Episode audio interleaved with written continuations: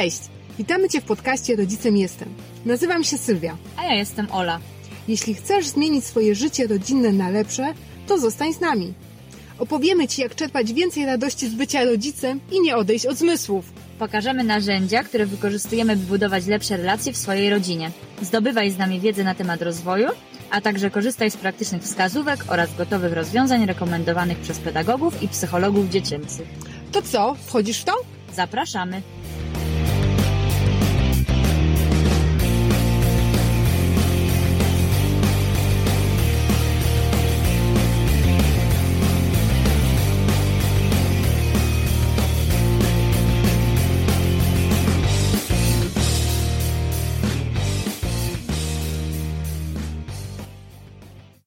Cześć Ola. Cześć Sylwia. Witamy Cię w trzecim odcinku podcastu Rodzicem Jestem.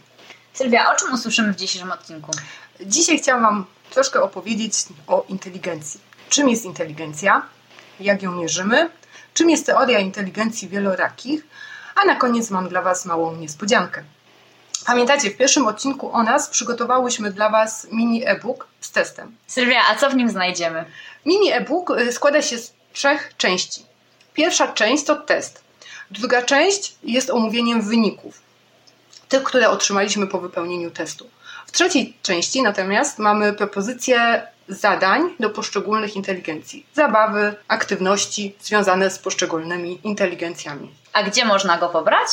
Test, jeżeli ktoś jeszcze go nie pobrał, jest do pobrania na stronie test.rodzicielskidrogowskaz.pl. To zacznijmy od tego, skąd wzięła się teoria inteligencji wielorakich. Teoria inteligencji wielorakich y, została opublikowana w książce Howarda Gardnera. Howard Gardner był amerykańskim psychologiem, który rodził się w 1943 roku. Studiował na Harvardzie oraz na Uniwersytecie Ekonomicznym w Londynie i był specjalistą w dziedzinie psychologii poznawczej. W latach 90., a dokładnie to był 98 rok, y, Gardner został profesorem na Harvardzie. Dzisiaj prowadzi swój blog osobisty o właśnie imieniu i nazwisku jego własnym, czyli www.howardgardner.com y, i ma na swoim koncie wiele publikacji naukowych. Inne tytuły poza inteligencjami wielorakimi to na przykład The Apps Generation czy na przykład Changing Minds. Wracając do teorii inteligencji wielorakich, należałoby zacząć od tego, czym jest inteligencja. To zdolność pojmowania, rozum, zdolność do postrzegania, analizy, adaptacji. Zrobiłam kiedyś takie małe doświadczenie. Możecie sami spróbować wpisać do słownika synonimów słowo inteligencja. Mi jakiś pół roku temu pojawiło się aż 187 synonimów tego słowa. I o ile większość z nich była dla mnie dosyć zrozumiała, typu wiedza, logika, zdolność, o tyle też pojawiło się dużo słów, których bym w życiu z inteligencją nie łączyła. Na przykład polot, zręczność, odkrywczość, talent. Tobie z czym kojarzy się inteligencja? Pierwsza myśl to mądrość, iloraz inteligencji. I myślę, że tak w większości przypadków właśnie jest, że inteligencja i pierwsze, najprostsze skojarzenie to właśnie iloraz inteligencji. Ale czy tak rzeczywiście jest? Dawniej inteligencja była pojmowana jako coś niezmiennego, z czym się rodzimy, co mamy. Dziś już wiemy, że tak nie jest, że można ją rozwijać. To co mierzą testy IQ? No właśnie, testy IQ służą do określenia dwóch rodzajów zdolności. Po pierwsze zdolności językowej, a po drugie zdolności logiczno-matematycznej. Testy inteligencji IQ w ogóle nie dają nam obrazu, pełnego obrazu zdolności dziecka. Co więc mamy w zamian? Właśnie mamy teorię inteligencji wielorakich. Dlaczego moim zdaniem testy IQ nie są do końca dobre, zwłaszcza dla dzieci? Dlatego, że jeżeli weźmiemy przykład dziecka, które jest w cudzysłowie słabe z matematyki, nie zwrócimy uwagi na to, że dziecko jest uzdolnione na przykład plastycznie. Mamy kogoś takiego, pewnie część z Was zna, jak Usain Bolt. Usain Bolt jest kilkukrotnym olimpijskim medalistą, biega, doskonale biega, zdobywał mnóstwo medali, jest właściwie taką ikoną, jeżeli chodzi o bieganie. Czy ktoś się zastanawia, czy Usain Bolt zna całki? Myślę, że nikogo to nie interesuje, po prostu jest mega dobry w tym, co robi. Innym przykładem z naszego podwórka jest Adam Małysz. Przypomnijcie sobie początki kariery Adama Małysza. Jego pierwsze wywiady, wypowiedzi. Z trudnością był w stanie wypowiedzieć dwa, trzy zdania. Nie przeszkodziło mu to jednak w zdobyciu olimpijskiego medalu. Także te przykłady pokazują to, że nie można kogoś szufladkować tylko po osiągnięciach zmierzonych testem inteligencji, czyli tym, który nazywamy testem IQ. Jeśli testy inteligencji nie są najlepszym rozwiązaniem, co jest alternatywą dla takich testów? Moim zdaniem na pewno lepszym narzędziem będzie sprawdzenie silnych i mocnych stron w obszarze ośmiu inteligencji, czyli test inteligencji wielorakich.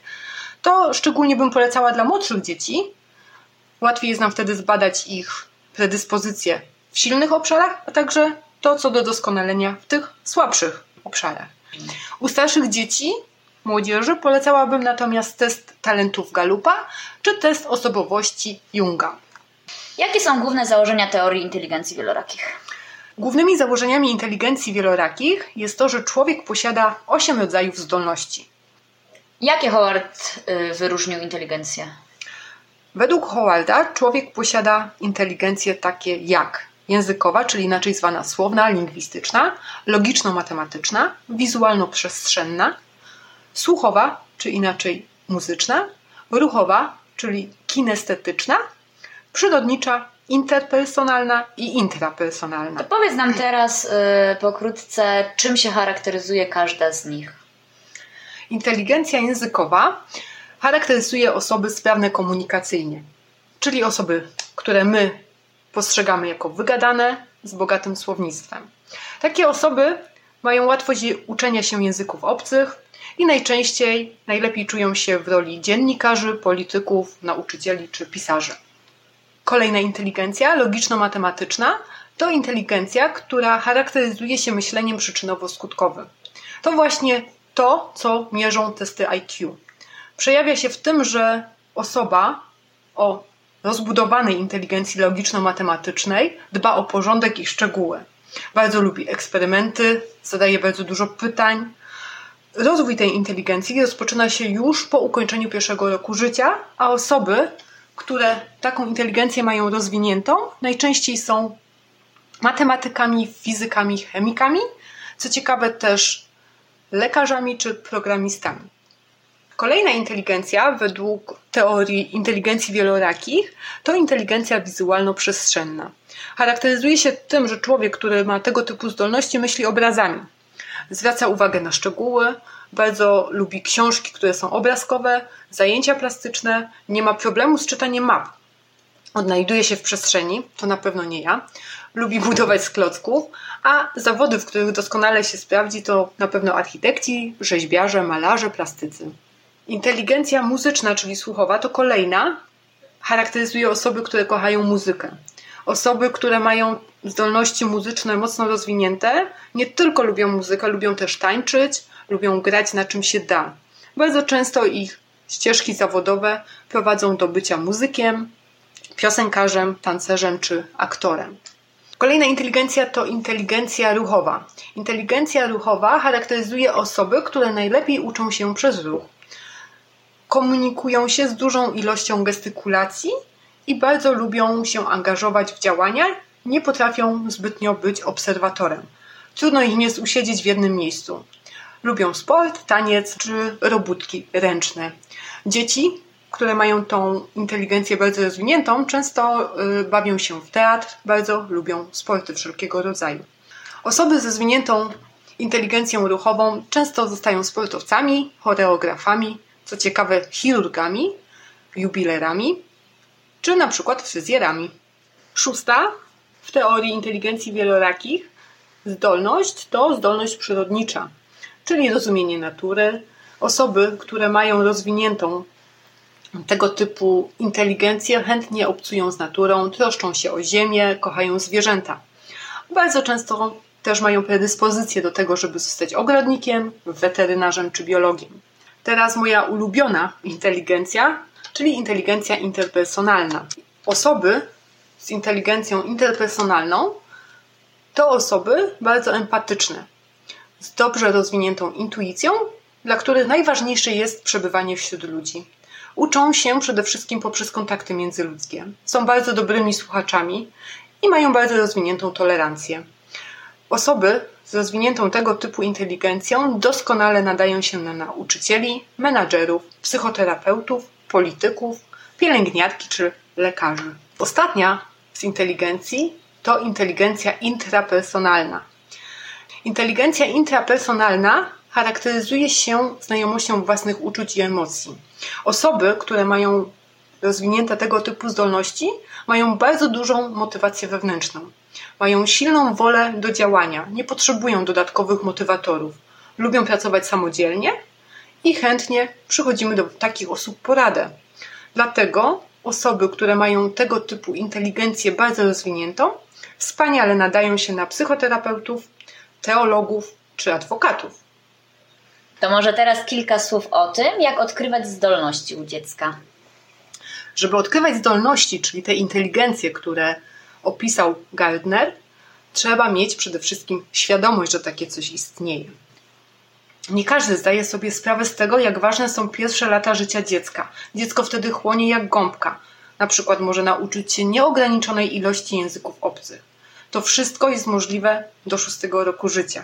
Nie znaczy, że później już się nie będzie w ogóle rozwijać, ale na pewno będzie to trudniejsze. Żeby rozwijać mocne strony dziecka, musimy je zidentyfikować. Jeżeli chcemy pracować nad tymi słabymi obszarami, musimy wiedzieć, które to są. Dlatego kolejnym krokiem, gdy już sobie uświadomimy, że chcemy znać nasze dziecko lepiej, musimy to zbadać. Musimy mieć fizyczne, namacalne dowody na to, że tu jest dobrze, a tam jest źle. Do tego może nam posłużyć test. Na przykład test, który Wam zaproponowałyśmy. Ja taki test zrobiłam mojemu dziecku ponad rok temu. Muszę go powtórzyć, bo jestem ciekawa, czy wyniki będą podobne. No i tak jak podejrzewałam w dużym stopniu, wyszło, że u mojego dziecka bardzo rozwinięta jest inteligencja przestrzenna i ruchowa. To wiedziałam od małego, bo ma bardzo dobrą orientację w terenie. Od najmłodszych lat, w przeciwieństwie do mnie, odróżnia prawą stronę od lewej i uwielbia sporty. Także tak podejrzewałam, tak też wyszło. Tak samo, jeżeli chodzi o słabsze strony, wiedziałam, że na pewno będzie to inteligencja językowa i to się potwierdziło w teście. Dobrze byłoby, żeby test został zrobiony przez dwie osoby, na przykład ty i mąż, ty i żona, ty i babcia. Dobrze, żeby te osoby znały dziecko. Dlaczego tak uważam? Możemy wtedy porównać wyniki. Wyniki moje i męża, bo robiliśmy obydwoje, były bardzo zbliżone. Ważne, kiedy zdecydujesz się zrobić taki test, jest to, żeby nie opierać się na ocenach. Oceny nie są ważne, one mają tylko być narzędziem w tym, żeby wyciągnąć słabe i mocne strony. To, że dziecko w którymś obszarze będzie miało małą ocenę, niską ocenę, nie znaczy, że jest niezdolne i że czegoś zupełnie nie potrafi. Nie. Pokazuje to tylko potencjał, miejsce, które można doskonalić u dziecka i rozwijać. Niska ocena bardzo często świadczy tylko i wyłącznie o tym, że w tym obszarze dziecko ma mniejsze zainteresowanie. A naszym zadaniem, bo tak mówi nam e, teoria inteligencji wielorakich, jest to, żeby ten obszar, tym obszarem dziecko zainteresować. No więc tak, mamy świadomość, mamy test, czyli wynik, no i co najważniejsze, działanie. działanie. Jakie działanie? Działanie to już sama przyjemność. Teoria inteligencji wielorakich i to Howard Gardner zawsze na to naciska, że to ma być zabawa, że to ma być przyjemne. Bo coś, póki jest przyjemne i póki jest zabawą, daje nam satysfakcję, nam i dziecku. W naszym e-booku znajdziecie przykłady zabaw do poszczególnych inteligencji wielorakich. Ja ze swojej strony też mogę polecić e, Wam dwie książki, w których znajdziecie mnóstwo zabaw. Dlaczego je? E, jest to 100 zabaw dla dwulatków i 100 zabaw dla trzylatków. W tych książkach autorzy, bo to jest praca zbiorowa, podzielili zabawy według inteligencji. Może nie jeden do jeden, ale spokojnie we wstępie są one opisane. Są zabawy indywidualne, sprawnościowe, zajęcia ruchowe, także spokojnie znając inteligencję wielorakie będziecie w stanie dopasować poszczególne zabawy do poszczególnych inteligencji.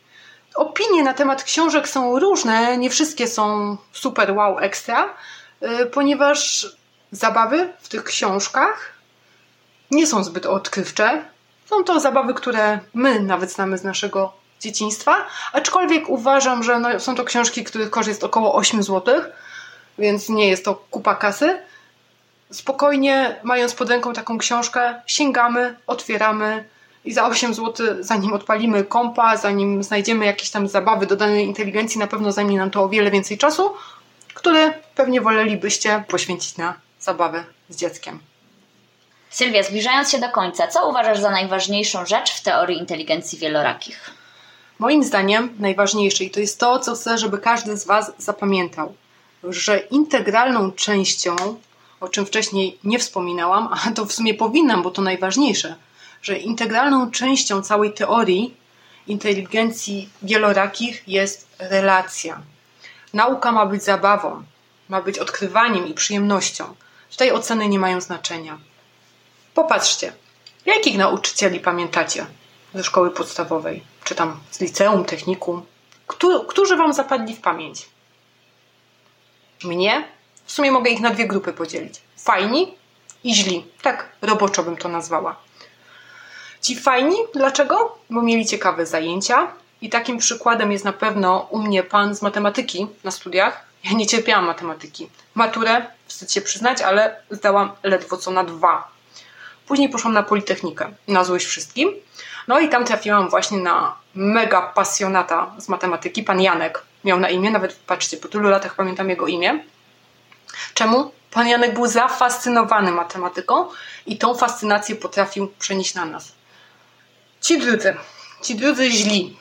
Takich też pamiętam, Ola też będzie pamiętać, bo chodziłyśmy razem do liceum i na słowo źli. Kogo, Olu, sobie przypominasz? Pamiętasz panią z angielskiego? No, zdecydowanie.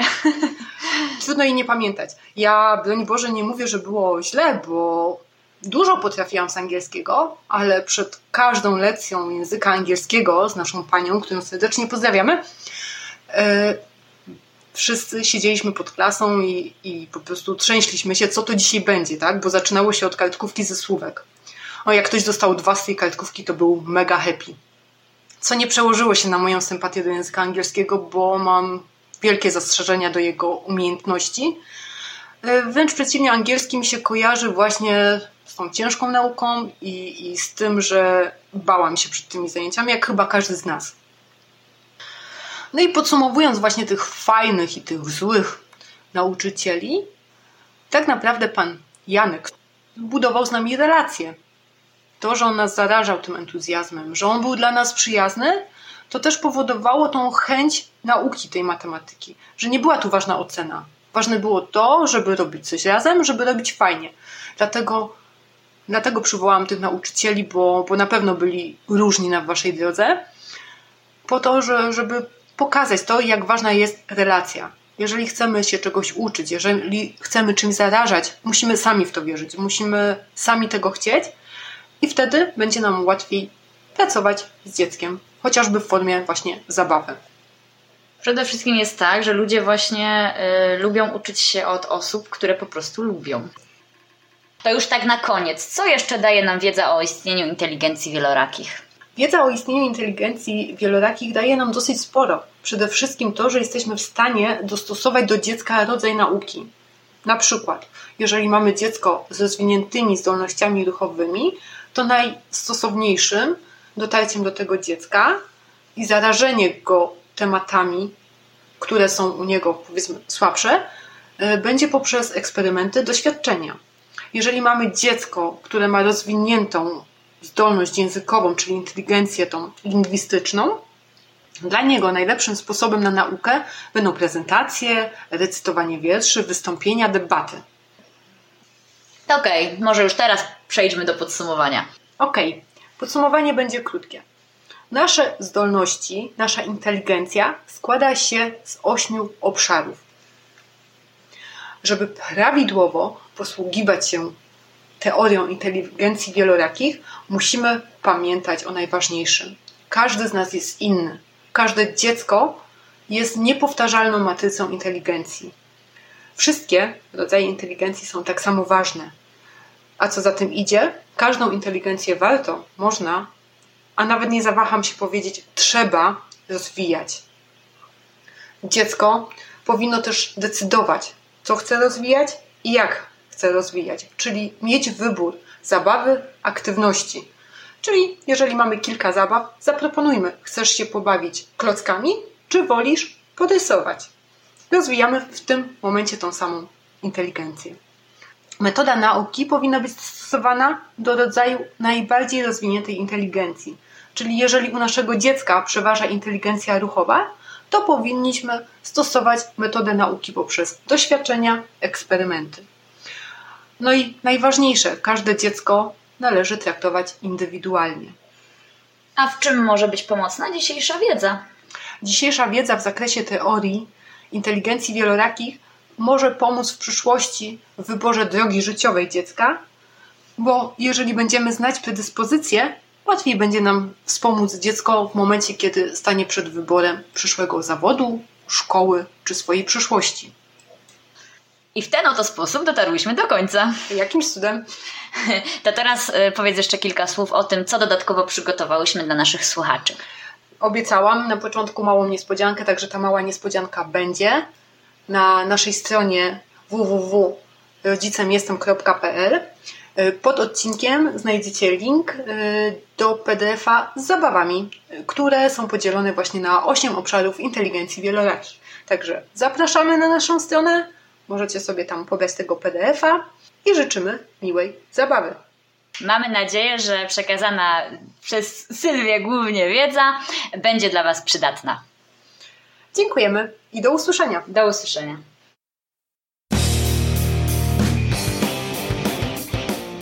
To był podcast Rodzicem Jestem. Dziękujemy za wysłuchanie.